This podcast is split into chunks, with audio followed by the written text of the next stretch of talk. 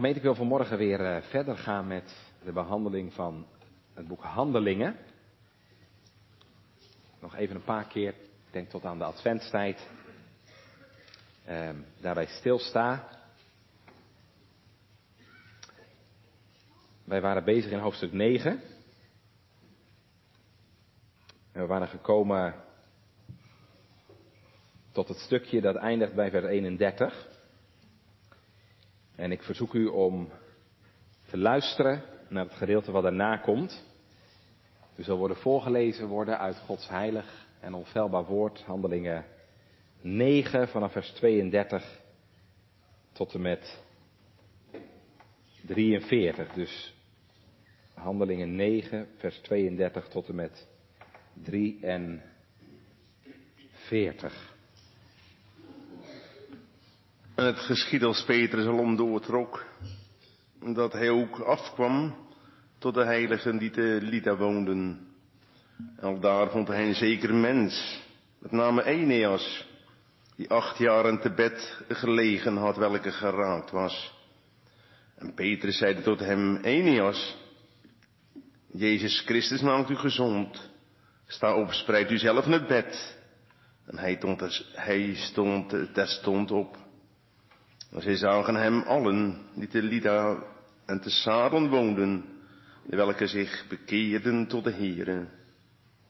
En te Joppe was een zeker discipline, met name Tabitha, het welk overgezet zijnde is gezegd Dorcas. Deze was vol van goede werken en aalmoezen die ze deed. Het geschiedde in die dagen dat zij krank werd en stierf. En als ze haar gewassen hadden, legden ze haar in de opperzaal. En alzo Lida nabij Joppe was, de discipelen horende dat Petrus al daar was, zonden twee mannen tot hem, biddende dat hij hen niet zou vertoeven en tot hen over te komen. En Petrus stond op en ging met hen, welke zij, als hij daar gekomen was, in de opperzaal leidde. En al de weduwen stonden bij hen, wenende en tonende de rokken en de klederen die Dorcas gemaakt had, als hij bij haar was. Maar Petrus, hebbende hen allen uitgedreven, knielde neer en bad. En zich kerende tot het lichaam, zeide hij, Tabitha, sta op. En ze deed haar ogen open. En Petrus gezien hebbende, zat zij overeind. En hij gaf haar de hand en richtte haar op. Heiligen en de weduwen geroepen hebbende, stelde hij haar levend voor hen. En dit werd bekend door geheel Joppe, en velen geloven in de Here. En het geschiedde, dat hij vele dagen te Joppe bleef, bij een zekere Simon, een lederbereider.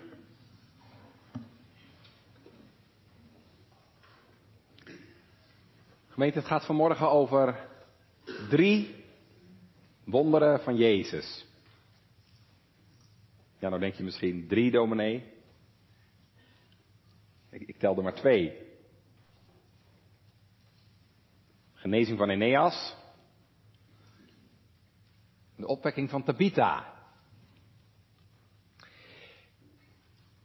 Ja, maar gemeente, er staat er nog één tussen, hè? Er staat er nog één tussen. En dat is het leven van Tabitha. Dat is ook een wonder. Kijk maar. Zij was vol van goede werken en aalmoezen die zij deed. Dus we staan vanmorgen stil gemeente bij drie wonderen van Jezus. Jezus maakt gezond. Jezus verandert harten. En Jezus maakt levend. Jezus maakt gezond. Eneas, Jezus Christus maakt u gezond. Jezus verandert harten, want ze was vol van goede werken en aalmoezen. En Jezus maakt levend. Tabitha, sta op. We pakken dus gemeente vanmorgen weer de draad op in handelingen. Waar ging het de laatste keer over? Nou, dat kun je zien als je even terugkijkt. De laatste keer ging het over Paulus. We hebben daar drie keer bij stilgestaan, hè? de bekering van Paulus. uh, Paulus en Ananias. Ontmoeting tussen Paulus en Ananias. En de laatste keer ging het over Paulus in Damascus en in Jeruzalem, waar hij de Heer Jezus in de synagoge verkondigde. Nou ziet u dat het vanmorgen over Petrus gaat. Hè? Twee verhalen, twee geschiedenissen, uh, waarin Petrus centraal staat. Misschien denk je wel, ja, van waar eigenlijk die move? Van waar die move? Van Paulus naar Petrus. Nou, dan is het goed gemeente dat we nog heel even, voordat we naar deze geschiedenis gaan kijken, heel even naar het grote plaatje kijken. Um, ik heb al eerder gezegd, hoofdstuk 8 tot en met 12, dat gaat over het begin van de zending, het begin van het zendingswerk. In deze hoofdstukken 8 tot en met 12 zie je hoe de discipelen in gehoorzaamheid aan de opdracht van de Heer Jezus een begin maken met de verkondiging van het evangelie buiten Jeruzalem, buiten Israël. En we hebben dat gezien, hoofdstuk 8 was het Filippus die het evangelie ging verkondigen in Samaria en vervolgens aan de Moorman. En in hoofdstuk 9 zagen we Paulus, die het evangelie verkondigt, zowel in Damascus als in Jeruzalem. En dan nu vanmorgen Petrus. En hier in hoofdstuk 9 vinden we hem in Lydda en Joppe. En zometeen in het volgende hoofdstuk, hoofdstuk 10, kom je Petrus tegen in Caesarea, bij Cornelius de hoofdman. Nou, gemeente, al deze mannen, of het nou Filippus is, of Paulus of Petrus, hè, dat zijn levende getuigen van de Heer Jezus. Door wie de Heer ook machtig werkt. Zoals we vanmorgen wel zullen zien in Handelingen 9. En dan ziet u gemeente dat we vanmorgen worden meegenomen naar het gebied dat de kuststreek is van Israël. Als u misschien een Bijbel met uitleg hebt, dan is het heel handig, want dan kunt u het zien. Dan staat er een kaartje bij. Um, de kuststreek, dat is het gebied waar je Lydda en Joppe en straks ook Caesarea moet zoeken. Hey, Joppe, of Jaffa, dat ligt ongeveer bij het huidige Tel Aviv. En, en Lydda, dat ligt een kilometer of twintig ten zuidoosten daarvan. Het heet tegenwoordig Lot. Met een D, Lot. En als u wel eens in Israël bent geweest, dan bent u er vlakbij geweest, want heel waarschijnlijk bent u dan binnengekomen via het vliegveld Ben Gurion. Nou, daar ligt Lot, Lus. Of ook wel Lydda. En dat is het gebied waar we vanmorgen Petrus aantreffen, in de kuststreek van Israël. Er zijn blijkbaar dus al een aantal gemeentes. Misschien heeft Petrus die gesticht. Het zou goed kunnen dat Filippus dat gedaan heeft. Want u weet misschien nog wel in hoofdstuk 8 dat Filippus uiteindelijk terecht is gekomen in Caesarea. Daar is hij gaan wonen, Filippus. Nou, dat is hier vlakbij, dat is niet ver hier vandaan. Hoe dan ook, er zijn daar een aantal gemeentes en Petrus is daar op bezoek. En dan lezen we, lees u even mee, vers 33. En al daar, in Lydda dus, vond hij een zeker mens met name Eneas, die acht jaar op bed gelegen had, omdat hij geraakt, omdat hij verlamd was. We weten niet hoe dat gekomen is. Misschien is hij gevallen of misschien heeft hij een beroerte gehad. In elk geval, hij is verlamd. We weten eigenlijk ook niet of Eneas een gelovige was of niet. Lijkt er wel op, want Peter is op bezoek in die gemeente daar. Dus het zou goed kunnen dat het een gelovige was. Hoe dan ook gemeente, we vinden hier, en trouwens ook straks bij Tabitha, hè, we vinden hier een enorm stuk gebrokenheid. Hij was geraakt. En in dat ene woordje geraakt, verlamd, ja, daar zit een hele wereld aan pijn, verdriet, moeite. Een leven dat op zijn kop is geraakt. En als Eneas een gelovige was, en dat zou goed kunnen, zei ik net, dan zie je dat dus ook dat dat Gods kinderen niet voorbij gaat, die gebrokenheid. Dat is de werkelijkheid waarin wij leven. Een gevallen, gebroken wereld, waarin moeite, verdriet en pijn ons niet voorbij gaan. En gemeente, al zien we het misschien elke dag, u ziet het misschien ook wel van heel dichtbij. Dat mag toch niet wennen? Nee, dat mag nooit wennen, want dat is niet zoals God het bedoeld heeft. En als het goed is, gemeente, dan raakt je dat. Jou ook? De Heer Jezus raakt het, hè? Hoe vaak lees je dat niet? Hij was met innerlijke ontferming bewogen. Nou, het staat hier niet bij, maar ik denk dat het bij Petrus niet anders is geweest. En dan moet je opletten, gemeente, Petrus ziet die verlamde man. En dan gebeurt er iets. Wat gebeurt er? Op datzelfde moment ontvangt Petrus het geloof dat de Heer deze man beter kan maken.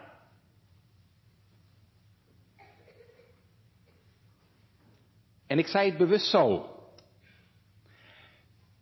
Ik zal het nog een keer zeggen. Petrus ontvangt op dat moment het geloof dat de Heer deze man beter kan maken. Ik vind dat even heel belangrijk. Dat is dus geen ideetje of ingeving geweest van Petrus. Hé, hey, ik ga Eneas eens genezen of zo. Ik ga het eens proberen. Dit is een inzicht, een overtuiging die de Heere hem geeft. God wil deze man genezen. En dat maakt hij Petrus duidelijk. Ja, God kan zijn kinderen, zijn knechten,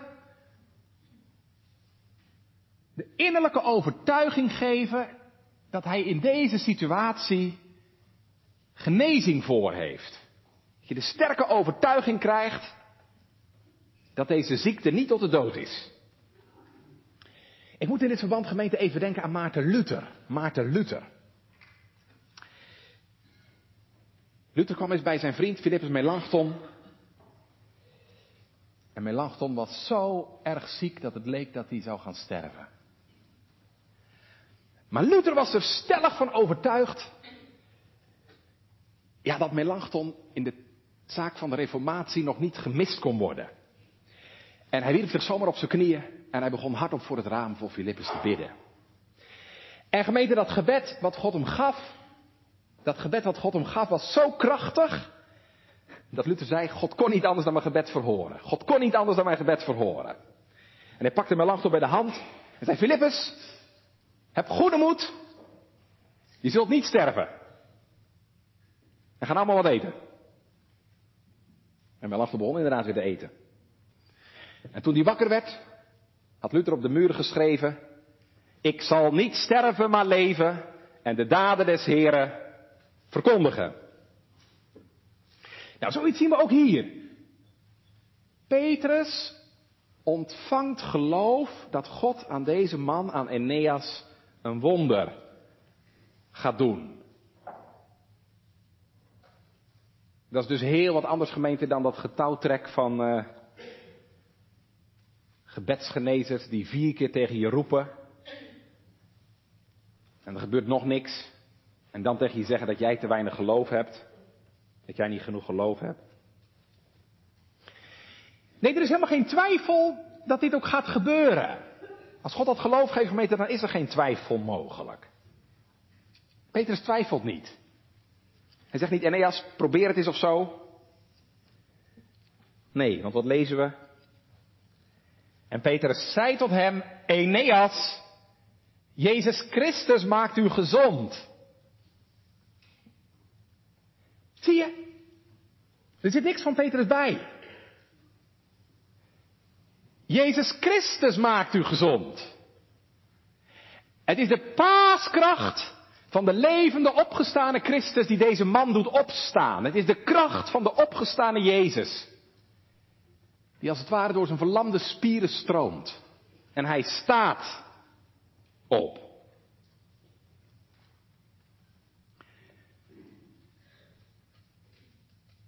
hey, kan Jezus dat nog? Kan Jezus dat nog? Laat ik een tegenvraag stellen, waarom niet? Waarom niet? Of is Jezus soms veranderd? Kan Jezus vandaag niet meer wat hij vroeger wel kon? Nee toch? Wat zou ooit zijn macht beperken? Het heelal staat onder zijn gebied. Ja, zeg je, maar dominee, waarom, waarom, waarom gebeurt dit dan niet meer? Zo'n mooi verhaal. Een man die zomaar opstaat uit zijn rolstoel. Waarom gebeuren er vandaag niet meer zulke wonderen? Het zou toch prachtig zijn?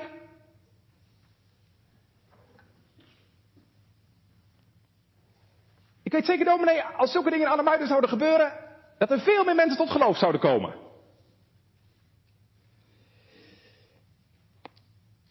Ja, zou kunnen.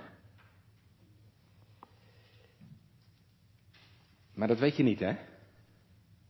Dat weet je niet, hè, gemeente? Ik bedoel, het is natuurlijk de vraag, het is de vraag of geloof afhangt van wonderen. Dat kan, maar dat hoeft niet. Hier in Lidda is het trouwens wel zo, hè? Kijk maar, vers 35. En zij zagen hem alle die te Lidda en Saron woonden, de welke zich bekeerden tot de Heer. Dus dit wonder leidt hier inderdaad tot geloof. Maar gemeente, er zijn ook voorbeelden in handelingen dat dat niet zo is, dat het niet zo werkt. als Paulus een paar hoofdstukken verder in hoofdstuk 14 straks in Lystra komt en daar ook een verlamde man geneest, dan loopt het er uiteindelijk op uit dat verhaal dat hij gestenigd wordt. En half dood op straat blijft liggen. Dus ik bedoel maar even, een wonder leidt niet altijd tot bekering. En andersom zie je ook in het boek Handelingen, God kan ook zonder wonderen vele mensen tot bekering brengen. want als je naar het hoofdstuk daarvoor kijkt, in Handelingen 13, dan preekt Paulus in Antiochië, in de synagoge, daar gebeuren geen wonderen. Daar gebeuren geen wonderen. Maar we lezen dan wel dat zijn prediking rijk gezegend wordt. want als u even kijkt in hoofdstuk 13, vers 48, dan uh, lezen we daar, als nu de heidenen dit hoorden, de prediking van Paulus, verblijden ze zich en prezen het woord van de Here. En er geloofden er zoveel als er verordineerd waren tot het eeuwige leven. Dus Paulus heeft rijke vrucht zonder wonderen. En het hoofdstuk daarvoor dus, in Lystra, een groot wonder, maar geen vrucht, geen bekering. Dus ik bedoel maar even gemeente te zeggen, pas ervoor op, pas ervoor op te denken dat wonderen altijd tot grote zegen leiden. Dat kan, dat kan, maar dat hoeft niet. Nou blijft natuurlijk wel die vraag liggen hè, die je net stelde. Of misschien dacht, dominee, waarom gebeurde dit toen zoveel en waarom hoor je daar vandaag zo weinig over? Nou, ik denk in de eerste plaats, gemeente, dat je dan moet zeggen dat God in de eerste eeuw ongewone krachten deed. En ik zeg niet dat God dat vandaag niet doet, maar ik denk dat je wel gerust kunt zeggen dat dat met name in de eerste eeuw van onze jaartelling wel in bijzonder het geval was. Dat God ongewone krachten deed hè, tijdens de omwandeling van de Heer Jezus en de bediening van de apostelen. Ik geloof dat dat nog kan. Ik heb u al eerder gezegd, hè, met, met name als het koninkrijk van God ergens voor het eerst komt, kan de Heer bijzondere tekenen van zijn macht geven. Ik heb u daar verschillende voorbeelden van genoemd al in eerdere preken.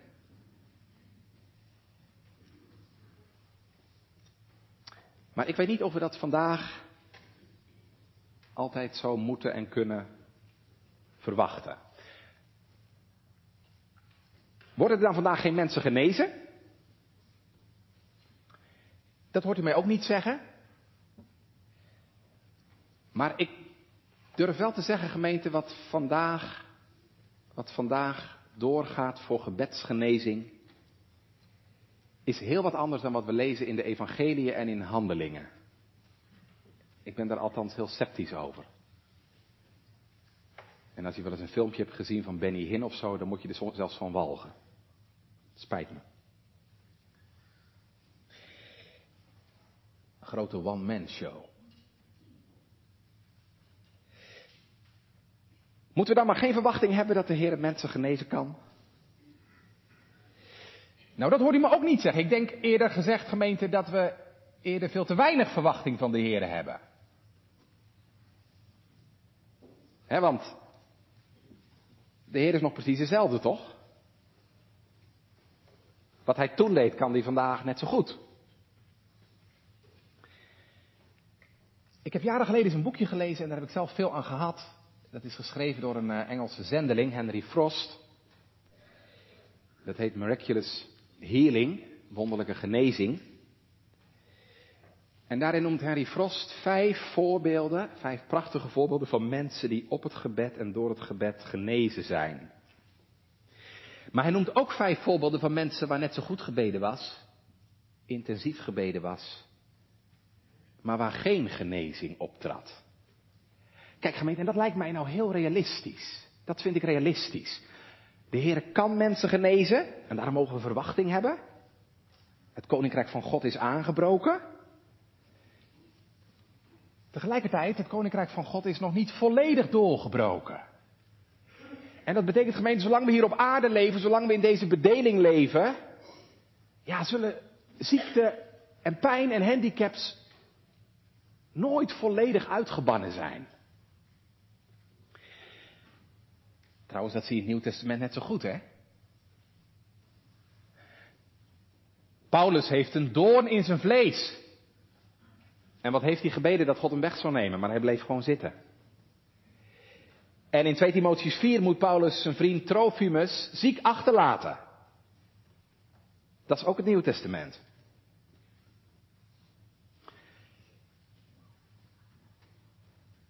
Drie weken geleden overleed de vrouw van mijn geachte collega en broeder, dominee P. de Vries. Na een zeer smartelijk lijden. Ze woog uiteindelijk nog maar 35 kilo. En haar pijn en lijden was soms zo groot dat ze soms twijfelde of God wel bestond. Want waarom liet hij anders zoveel pijn toe in haar leven? Zij was een vrouw die de Heere vreesde. Die mocht weten, ik weet, mijn verlosser leeft. Dat was ook de tekst die ze boven de rouwkaart wilde hebben. Ik weet, mijn verlosser leeft. Toch ging de Heere een hele diepe weg met haar. Waarbij ze drie weken geleden heeft gevraagd, willen jullie bidden of de Heer mij alsjeblieft weg wil nemen. En dominee de Vries heeft daar ook om gevraagd. En de Heer heeft dat gebed diezelfde nacht genadig verhoord. En haar in haar slaap weggenomen. Gods weggemeente is in het heiligdom en zijn voetstappen worden niet altijd gekend. Dat koninkrijk waar geen inwoner meer zal zeggen, ik ben ziek, dat komt nog. Dus ja, laten we vurig bidden voor onze zieken, laten we verwachting van de Heer hebben, want dat hebben we vaak veel te weinig. Maar laten we tegelijkertijd ons lot ook helemaal in zijn handen leggen. Wetend dat zijn wegen hoger wijzer en uiteindelijk ook beter zijn dan onze wegen. En dat Hij weet, altijd weet wat voor ons het beste is. Uiteindelijk is dat natuurlijk het belangrijkste. Of je nou beter wordt of niet, uiteindelijk is dat het belangrijkste. Dat je weet en gelooft dat wat Hij doet altijd goed is.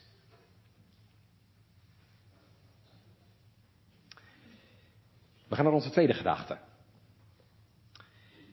Want terwijl er in uh, vreugde is over de genezing van Eneas, gebeurt er 20 kilometer verderop gemeten iets ernstigs. Een vrouw sterft.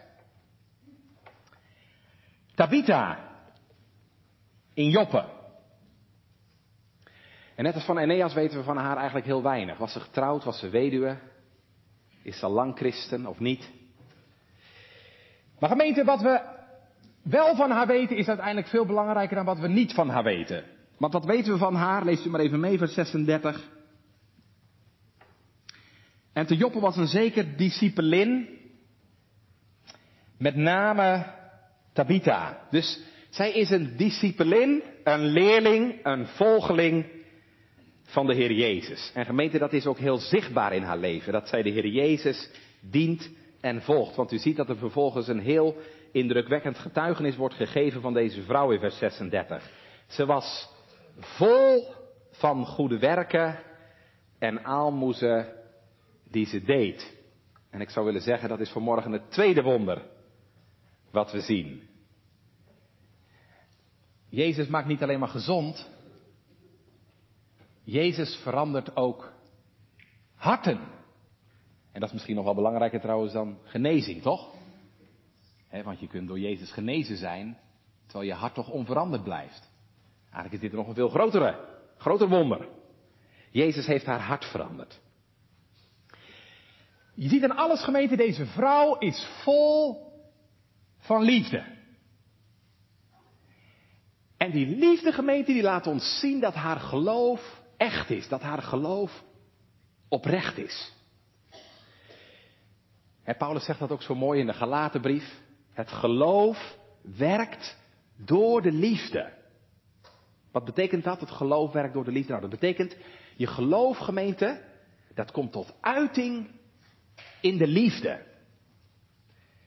dat is als het ware de vrucht van haar geloof. Het levende bewijs van haar geloof. Deze vrouw heeft geleerd dat het zaliger is om te geven dan om te ontvangen.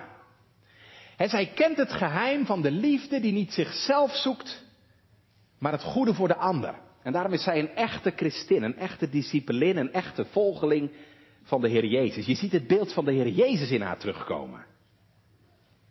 Jezus, hè, die gezegd heeft, ik ben niet gekomen om gediend te worden, maar om te dienen. Jezus, die zich niet schaamde om de vieze voeten van zijn discipelen te wassen. Jezus, die het land doorging, goeddoende. Hè, en de hongerige voeden. En de zieke genas. Tabitha gemeente lijkt in alles op haar meester. Ze was vol van goede werken en aalmoezen die ze deed. En ik zei, daaruit blijkt de echtheid van haar geloof. He, Jacobus zal later schrijven, toon mij uw geloof uit uw werken. Toon mij uw geloof uit uw werken. Want er is geen geloofgemeente zonder goede werken. Ja, en als je denkt dat dat wel kan, dan zegt Jacobus, dan is dat een doodgeloof. Een doodgeloof. Want een christen is geroepen tot goede werken. De Heer Jezus zegt, laat je licht schijnen voor de mensen. En ik kan u zeggen, gemeente, dat doe je nooit te veel. Dat doe je nooit te veel, dat doe je altijd te weinig. Juist zij die heel veel goed doen. Juist de mensen die heel veel licht hebben mogen laten schijnen. Vonden het zelf vaak maar heel gering en onbetekenend. Ik moet even denken aan William Carey. William Carey, de grote zendeling van India. Hij schreef aan zijn zoon, wat heb ik nog weinig gedaan voor God. Wat heb ik nog weinig gedaan voor God. Terwijl hij notabene huis en haard had verlaten in Engeland. Helemaal op reis was gegaan naar India, de taal had geleerd, de Bijbel had vertaald in het Sanskriet. Wat heb ik nog weinig gedaan voor God. Hij vond het maar onbetekenend. Ik geloof een ware gelovige herkent zich daarin. dan zeg je niet, wat heb ik veel voor God gedaan. Maar Heer, wat heb ik nog weinig voor u gedaan. Maar het verlangen is er wel. En de inzet ook. Je zegt, hoe komt dat? Dat Tabitha zo ijverig was in goede werken. Wel gemeente, als je iets hebt mogen zien. Als je iets hebt gezien van de weergaloze liefde die de Heer Jezus aan de dag heeft gelegd. Om jou te redden. Om jou, vuile, besmeurde zondaar te redden. En je zalig te maken. Dat hij mij heeft liefgehad. En zichzelf voor mij heeft overgegeven. Die door mijn zonde de eeuwige dood verdiend heb. Dat hij voor mij de hemel heeft verlaten. Zich losgemaakt heeft uit de armen van zijn vader.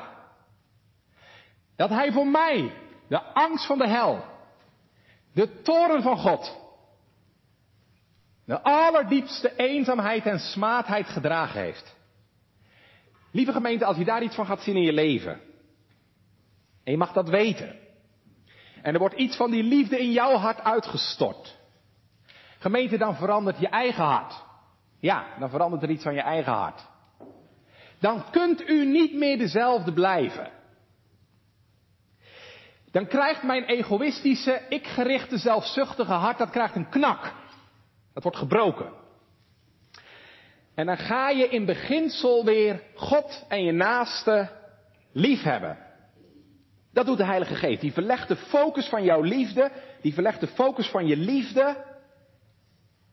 Dat het niet meer alleen op mezelf is gericht, zoals het van nature is, maar ook op God en mijn naaste.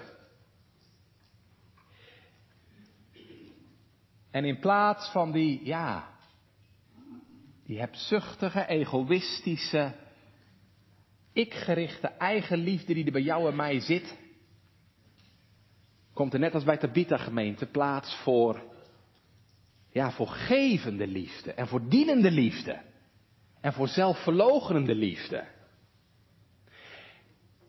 En dan wordt het je vreugde om de Heer lief te hebben. En dan wordt het ook je vreugde om je naaste lief te hebben. Dat is geen moeten of zo. Is niet omdat iemand tegen je zegt of zo, maar dat gaat bijna als vanzelf. En hoe uitzicht dat? Hoe uitzicht dat? Nou, dat zie je hier. Dat uitzicht gemeente altijd in goede werken. En dat hoeft helemaal geen bijzondere dingen te zijn. Dat zie je bij Tabita. Eh, er staat, uh, wat deze? Nou, dat lees je in vers uh, 39, hè? dat waren haar goede werken. Ze maakte kleren. Ze naaide. Ze verstelde kleren voor andere mensen. Hele gewone alledaagse dingen. Maar het was aangenaam voor de heren. Het was Maarten Luther gemeente die ons heeft laten zien dat goede werken ook hele gewone werken kunnen zijn. Zult u dat onthouden? Goede werken kunnen ook hele gewone werken zijn. En, en dat het juist ook gewone mensen zijn die goede werken kunnen doen. Niet alleen maar dominees en ambtsdragers en zo, maar in principe wij allemaal. Dus, we hoeven niet allemaal naar India, zoals William Carey. En je hoeft niet per se 10.000 euro op te halen voor de Muscatlon. En je hoeft geen boeken te schrijven of professor in de theologie te worden. Om iets goeds te kunnen doen. Dat, dat vind ik vanmorgen nou het mooie van Tabita gemeente. Je ziet bij Tabita iets van de kracht van het gewone. De kracht van het gewone. Gewone dingen kunnen aangenaam zijn voor de Heer. Als ze maar gedaan worden uit geloof en door de liefde. Dus een moeder die haar kind verschoont of uit de kinderbijbel voorleest, die doet net zo goed werk als wanneer ik mijn preek voorbereid. Het hoeven niet allemaal grote dingen te zijn. Dat pannetje soep voor een zieke. Of dat u eens met dat zieke gemeentelid naar het ziekenhuis rijdt, die lastig met vervoer zit. Of dat je iemand die het moeilijk heeft, eens op de koffie vraagt of mee laat eten. Dit, dit is voor de Heer net zo aangenaam als wanneer je 10.000 euro geeft voor Bijbelvertaalwerk, ik noem maar wat. Als het maar gedaan wordt uit geloof en door de liefde. Nou, ik zou u willen vragen, gemeente, om zo vanmorgen eens in deze spiegel van Tabita te kijken. Roept het herkenning op? Zie je iets terug van jezelf? Nee, ik ga u niet vanmorgen vragen, doe je net zoveel als Tabita? Want ik zei u net, wie het doet, weet maar al te goed dat het altijd te weinig is. Daar gaat het niet om. Maar ik vraag u wel vanmorgen, herkent u er iets van? Herkent u er iets van? Van die hartelijke liefde tot de Here. En dat verlangen om goed te doen aan een ander. En bereidheid om iets te geven van je tijd, van je energie, van je geld, van je liefde. Omdat je beseft wat, wat Christus voor jou gegeven heeft. moet even denken aan Spurgeon. Nou, u weet dat Spurgeon was een van de bekendste, beroemdste mensen in Engeland in de 19e eeuw. Hij zat dus op een dag in zijn hotel, waar hij elke keer op vakantie ging. En toen zag hij door het raam buiten bij de ingang een orgeldraaier staan. Zo'n draaiorgeltje. U kent ze wel, Middelburg staan ze ook wel eens. Maar Spurgeon zag ook bijna niemand, bijna geen van de gasten die uit het hotel kwam, gaf die man iets. In zijn blikje. Liep allemaal voorbij. Al die rijke gasten. Weet je wat Spurgeon toen deed? Liep naar beneden. En zei, geef mij dat orgeltje eens. Zo'n draaiorgeltje, je je buik kunt draaien, dragen. En hij begon bij die ingang te draaien. En iedereen kende Spurgeon natuurlijk, want een van de bekendste beroemdheden van Engeland. Niemand durfde voorbij te gaan zonder wat te geven natuurlijk. De opbrengst was voor de orgeldraaier. Die grote, beroemde man, prediker, voelde zich niet te min om een arme man te helpen. En Luther zegt, Luther zegt, dan word je een Christus voor je naaste. Zijn we dat? Staan we zo bekend als een Christus voor onze naaste? Wat deed Christus? Die gaf. Die gaf. Dat weet u hè? Zijn leven, zijn kracht, zijn energie. Voor anderen. Nou, ik geloof als die liefde er bij ons is, gemeente, dan wordt het daarin zichtbaar. Dan gaat u geven. Dan ga je geven. Tijd, energie. En, en, en ook je portemonnee. Ja, dat ziet u ook, hè? Tabitha staat er, was overvloedig in aalmoezen. Ik ga vanmorgen niet zeggen hoeveel. Dat kan voor iedereen verschillend zijn. De arme weduwe gaf twee penningjes. En het was veel voor God. Maar ik denk wel aan die bekende woorden van Louis. Het moet zoveel zijn dat je het voelt. Het moet zoveel zijn dat je het voelt. Dat je er misschien wel iets anders voor moet laten.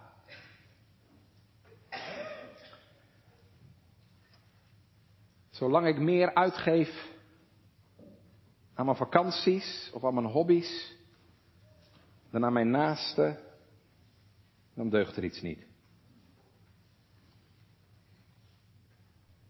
Dan vrees ik dat we de liefde van Christus nog niet kennen, want die beantwoord je niet met een schijntje. Want als je werkelijk beseft wat het de Heer Jezus gekost heeft om mij vrij te kopen, gemeente, dan wordt het niet alleen maar uw gebed. Dan wordt het niet alleen maar je gebed, neem mijn leven, laat het Heer toegewijd zijn aan uw eer.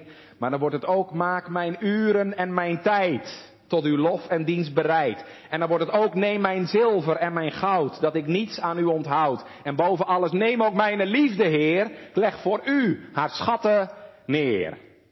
Wat hebben we dat nodig? Zulke mensen. En wat ben je gezegend als je in je gemeente zulke tabitas hebt. En gelukkig gemeenten zijn die er ook vandaag. En ik geloof ook in Arnhemuiden. Ik geloof ook in Arnhemuiden. Die hebben we nodig. Leesbare brieven van Christus. Weet u gemeente, wij krijgen een samenleving, wij krijgen een samenleving die, die steeds meer wantrouwen heeft bij het christelijk geloof. Dat zien we om ons heen. Wij krijgen een samenleving die steeds meer sceptisch voelt bij wat wij voorstaan als kerk. Maar weet u, één ding kunnen ze nooit tegenop. Dat is liefde en goedheid. Goedheid en liefde, daar kunnen ze nooit tegenop. Een cultuur die steeds individualistischer en egoïstischer wordt. Wat hebben we daar mensen nodig die die liefde van Christus mogen uitstralen en doorgeven. En u weet, zo, zo stonden de eerste christenen bekend. Mensen die vol waren van de liefde van Christus. Hè? Ik denk aan die bekende brief van Diognetus uit de tweede eeuw.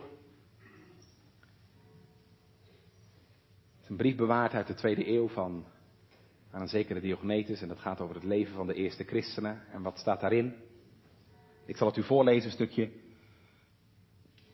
Zij delen hun tafel, maar niet hun bed. Ze delen hun tafel, maar niet hun bed. Ze zijn arm als bedelaar, maar maken velen rijk. Ze hebben aan alles gebrek, maar ze leven in overvloed. Ze worden vervolgd, maar ze hebben lief. En al vonden de mensen het stikvreemd. Het maakte toch indruk. En zo'n geloofgemeente, dat maakt ook vandaag indruk.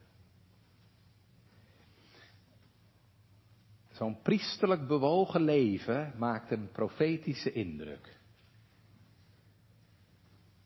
Zoals het bij Tabitha. Iedereen kende.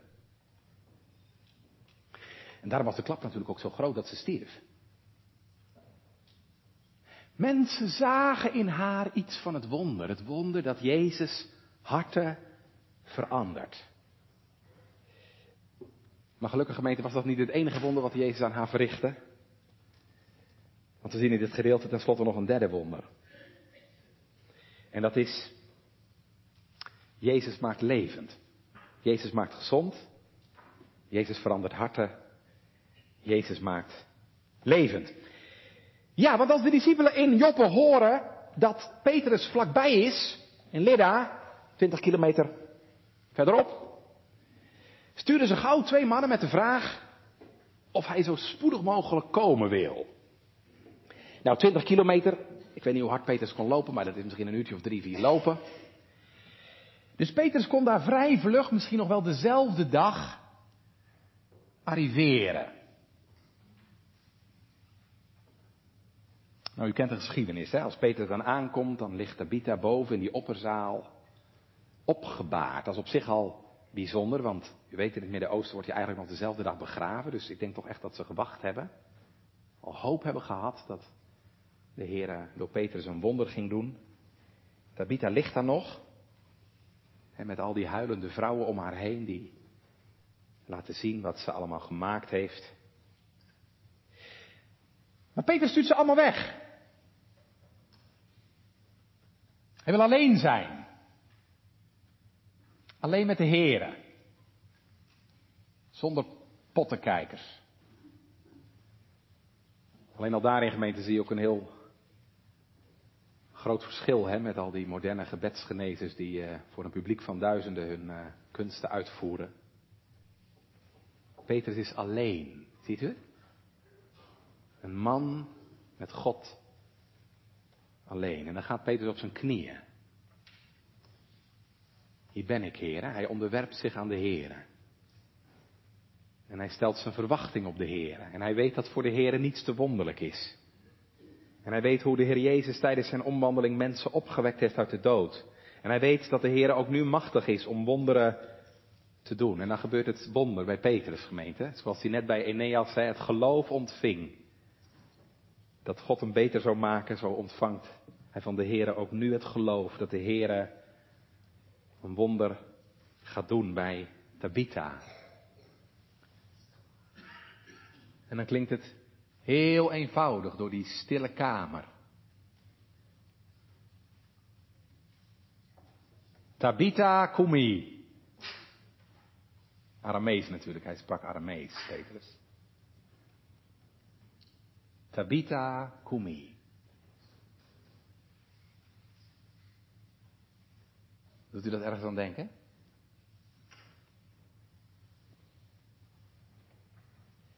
Heel veel jaren geleden stond Petrus erbij.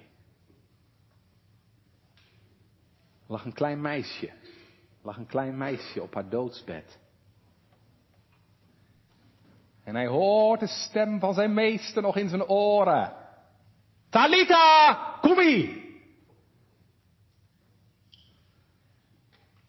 En nu mag hij zelf met de volmacht van Christus bijna diezelfde woorden spreken. Tabita, kumi.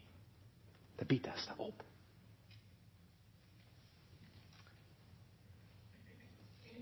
En ze deed haar ogen open En Petrus gezien hebbende zat ze overeind.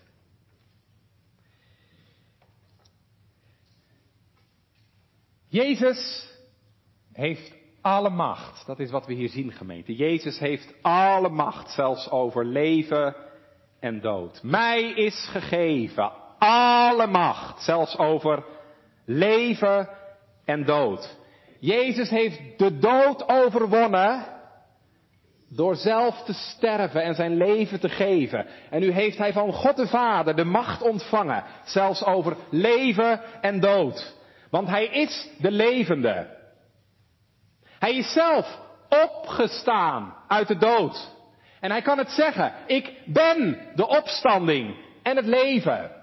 En daarom, omdat hij de dood heeft overwonnen, omdat hij het leven is, daarom kan hij ook het leven geven. Aan Tabitha. Aan mij. Aan jou. Aan u. Dat is de boodschap voor ons vanmorgen, gemeente. Jezus Christus heeft de macht om het leven te geven. Want hij laat mensen opstaan. Allereerst uit hun geestelijke dood. Nou, dat was al gebeurd natuurlijk bij Tabitha. En vervolgens laat Jezus Christus mensen ook opstaan uit de lichamelijke dood. Dat zal straks ook gebeuren. Als je een nieuw lichaam mag krijgen. Dus anders gezegd, hij geeft leven in je ziel en hij geeft leven aan je lichaam. En dat is wat we nodig hebben, hè? Of we nou vanmorgen ziek zijn of gezond.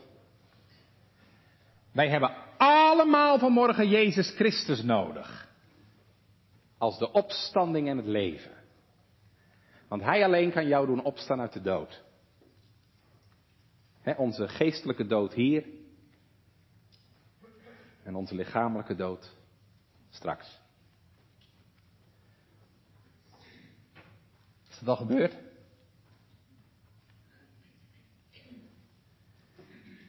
Ben jij al opgewekt uit de dood? Leef jij al, omdat de Heer Jezus je heeft opgewekt?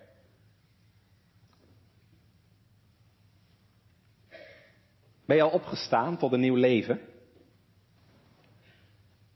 Omdat je zijn stem mocht horen en zijn woord mocht geloven?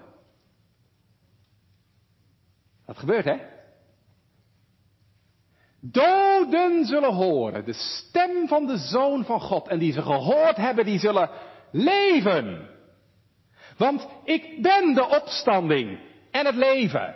Jezus doet mensen opstaan tot een nieuw leven. Wie in mij gelooft, zal leven. En dat begint hier al, gemeente. Dat begint hier al. Tabitha was al opgestaan, al lang. Die was lang opgestaan. Al lag ze dood op dat bed. Ze was lang opgestaan. Het eeuwige leven begint hier al. Zo stond het op de rouwkaart van mevrouw de Vries. Want nu de Heer is opgestaan, nu vangt het nieuwe leven aan, een leven door zijn dood bereid, een leven in zijn heerlijkheid, nu en voor eeuwig. En wat hebben we dat nodig, gemeente? Want zonder Jezus blijf ik dood. En blijft ook mijn hart dood. En liefdeloos. Maar wat mag ik vanmorgen een bemoedigende boodschap brengen? Jezus Christus laat mensen opstaan tot een nieuw leven. Hij maakt je hart nieuw. En hij maakt je hart vol van zijn liefde. En die liefde hebben we nodig, hè? En wat we hebben vanmorgen gezien. Zonder, ja, zonder die liefde en zonder goede werken kunnen we niet voor God bestaan. En als je nou vanmorgen voelt, hè, ik mis die liefde nog. Ik mis die liefde, ik mis die goede werken. Ga nou niet proberen krampachtig zelf wat te doen. Goede werken, geld overmaken en zo. Want gemeente, de Bijbel zegt al wat niet uit het geloof is en al wat zonder liefde is, Dat is klinkend metaal en een luidende schel. dat is alleen maar eigen gerechtigheid, want je doet het alleen maar voor jezelf, in de hoop dat je bij God in een goed blaadje komt en dat het God wel behagelijk is. Nou, dat is het niet. En zolang de bron niet goed is, kan ook het water niet zoet zijn. Nee, maak de bron zoet en het water wordt ook goed.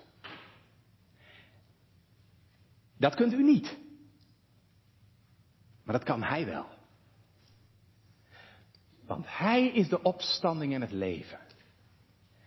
En Hij laat je opstaan tot een nieuw leven. Dan maakt hij je leven nieuw. En dan vult hij je hart met zijn liefde. En als dat nou je verlangen is vanmorgen, als je daar nou naar verlangt. Nou bid dan maar tot Jezus, zoon van David, ontferm u over mij. Heere, maak mij levend. Raak ook mijn hart aan. En stort uw liefde in mij uit. En als die liefde uw hart heeft vervuld, gemeente, als die liefde je hart heeft vervuld,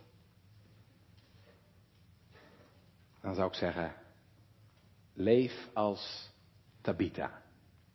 Leef als Tabita. Doe goed aan allen en het meest aan de huisgenoten van het geloof. Laat uw licht schijnen voor de mensen opdat zij uw Vader die in de hemel is verheerlijken mogen.